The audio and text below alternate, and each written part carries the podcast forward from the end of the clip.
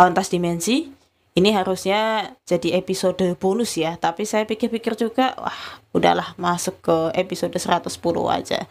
Nah kembali lagi ini salah satu pengalaman Bang Zen dalam menghadapi para penyantet.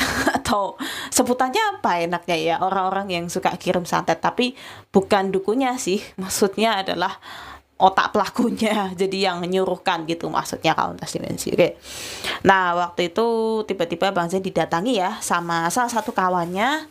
Ya sekarang sih sudah meninggal orangnya. Jadi saat itu kawannya ini dapat satu amanah di mana dia diminta untuk jaga satu gudang dan gudang itu berisi bahan bangunan untuk digunakan membangun sebuah bangunan milik pemerintah itu orangnya sebenarnya jujur sih makanya kan kenapa dia dipercaya untuk menjaga gudang ini dan sistemnya itu shift-shiftan gitu kan. Jadi ada empat lima atau berapa orang gitu kan untuk berjaga gantian gitulah. Salah satunya sama dia juga. Ya gimana ya namanya pekerjaan semacam ini ini riskan banget ya namanya jaga gudang itu.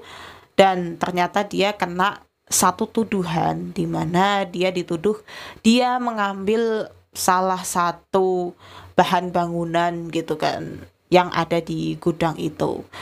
Ya apa ya waktu itu kalau nggak salah ada inspeksi atau bagaimana dan ternyata ketika dihitung harusnya bahan bangunan itu nggak segitu gitu cuman kok jadi kurang gitu kan. Nah ini yang kena tuduhan. Dianggapnya adalah karena waktu itu kawan Bang Zen yang jaga gitu kan. Jadinya ya wah jangan-jangan karena pas dia jaga nih pasif dia terus dia ngambil sekalian gitu kan. Gak ada yang curiga ya namanya orang nuduh ya. Tapi kawan bangsa ini kan jujur gitu loh. Jadi gimana ya dia dituduh pun ya dia akan bilang lah memang saya nggak melakukan gitu.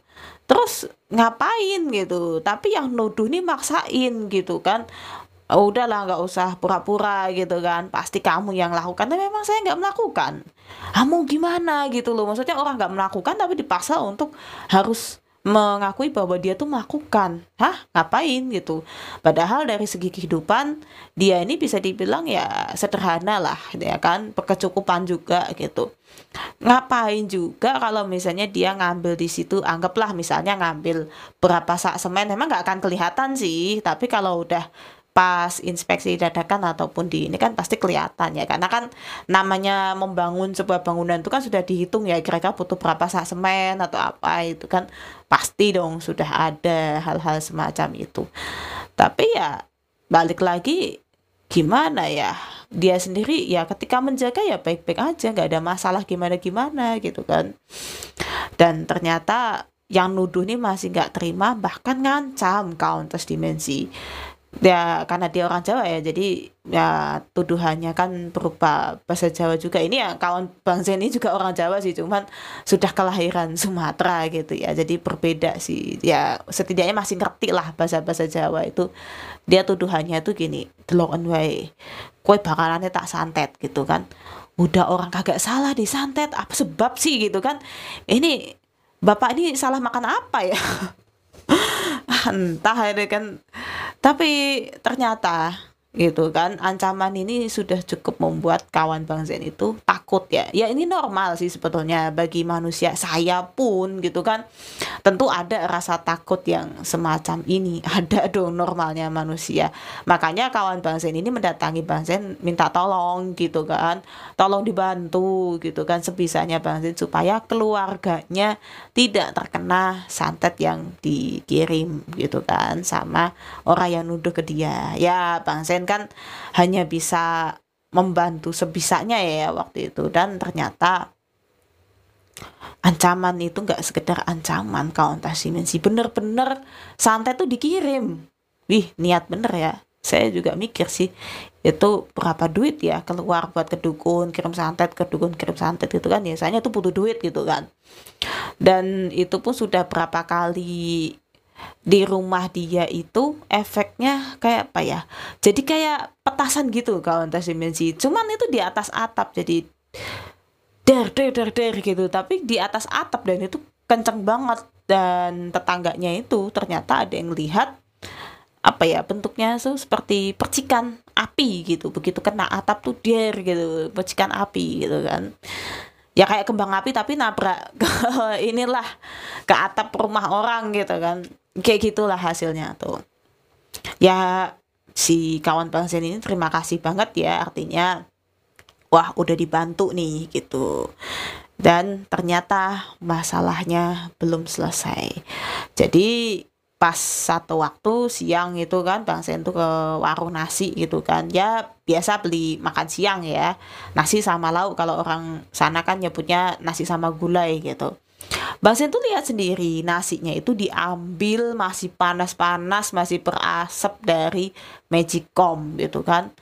Tapi begitu itu nasi bungkus tuh dibuka di mebel gitu kan karena mau dimakan sama Bang Sen muncullah belatung tuh satu dua gitu kan. Disingkirin lah pakai sendok kan. Ah satu dua paling kelewat atau ya bang saya tidak mau suzon ya atau berpikiran buruk sama mbak-mbaknya yang ngejualin tadi gitu kan. Udahlah dibuang. Tapi ketika disingkap bang Sen tuh kan kalau makan sukanya di nasi itu dipotong. Kalau dia nasi bungkus ya nasi dipotong tengah terus disep gitu singkap gitu kan. Ternyata di tengah-tengah ada banyak sekali belatung. Waduh saya nggak bisa bayangin kalau saya langsung nafsu makan hilang. Ya dia sebenarnya juga nafsu makan hilang sih tapi habis itu dia dibungkus gitu kan. Nasi itu bungkus lagi buang ke tempat sampah atau buang ke mana gitu kan. Ya habis itu dia pulang gitu kan. Sempat ditanya sih sama temen-temennya di mebel gitu kan. Ah mau ke mana? gitu. Pulang saya ada urusan gitu kan. Dah dan ketika pulang bang Sen tuh langsung waktu itu pas ya waktunya ya. Memang kebetulan juga belum sholat duhur jadi sekalian sholat duhur zikir dan intinya adalah mengadu ke Allah ya. Karena kan Bang tuh segala hal itu percaya sama Allah. Jadi ya hal-hal semacam ini dia minta keadilan sama Allah gitu kan. Karena ini Bang Zen ini ternyata tahu. Karena dukun ini nggak berhasil kirim santetnya gitu kan. Makanya dia mencoba mencari siapa yang melindungi orang yang dikirimin santet itu dan dukunnya ngirim ke Bang Zen. Karena tahu ternyata yang melindungi adalah Bang Zen maka dianggapnya kirim ke Bang Zen. Padahal ya Bang Zen itu hanya perantara ya. Jadi kalau dibilang wah ini yang melindungi ya nggak juga sih.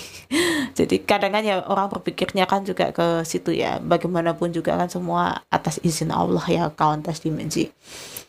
Nah ternyata setelah Bang Zen melakukan hal itu tadi ya selang dua hari atau tiga hari gitu kawan Bang Zen tuh main gitu kan. Yang tadi tuh main karena pas dia mungkin gak jaga di gudang itu Terus dia cerita, waktu itu malam minggu kalau nggak salah. Jadi cerita bahwa orang yang ngotot banget nuduh bahwa si kawan Bang Zen ini harus ngaku kalau dia tuh ngambil bahan bangunan ternyata dia di hari keberapa itu pagi hari tiba-tiba nggak bisa menggerakkan kaki sama sekali. Jadi lumpuh total. Tahu-tahu begitu. Sampai dia ini sudah berobat ke mana-mana rumah sakit didatengin dokter juga sampai dukun pun juga bahkan salah satu dukun tuh ada yang bilang ini nggak bisa lagi diobati karena itu adalah hasil dari perbuatannya dia ya. Karena ya berbuat itu tadi ya. Ya mau gimana lagi kan? Tapi uang dia juga makin lama habis. Kauntas dimensi untuk berobat ke mana-mana gitu kan.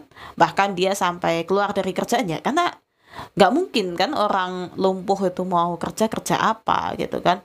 Ya kalau dibilang zaman itu kan kursi roda juga masih mahal ya. Jadi nggak mungkin gitu loh dia juga terbeli uh, kursi roda akhirnya orang ini hanya bisa di atas kasur kalaupun ia kan mungkin dibopong ya.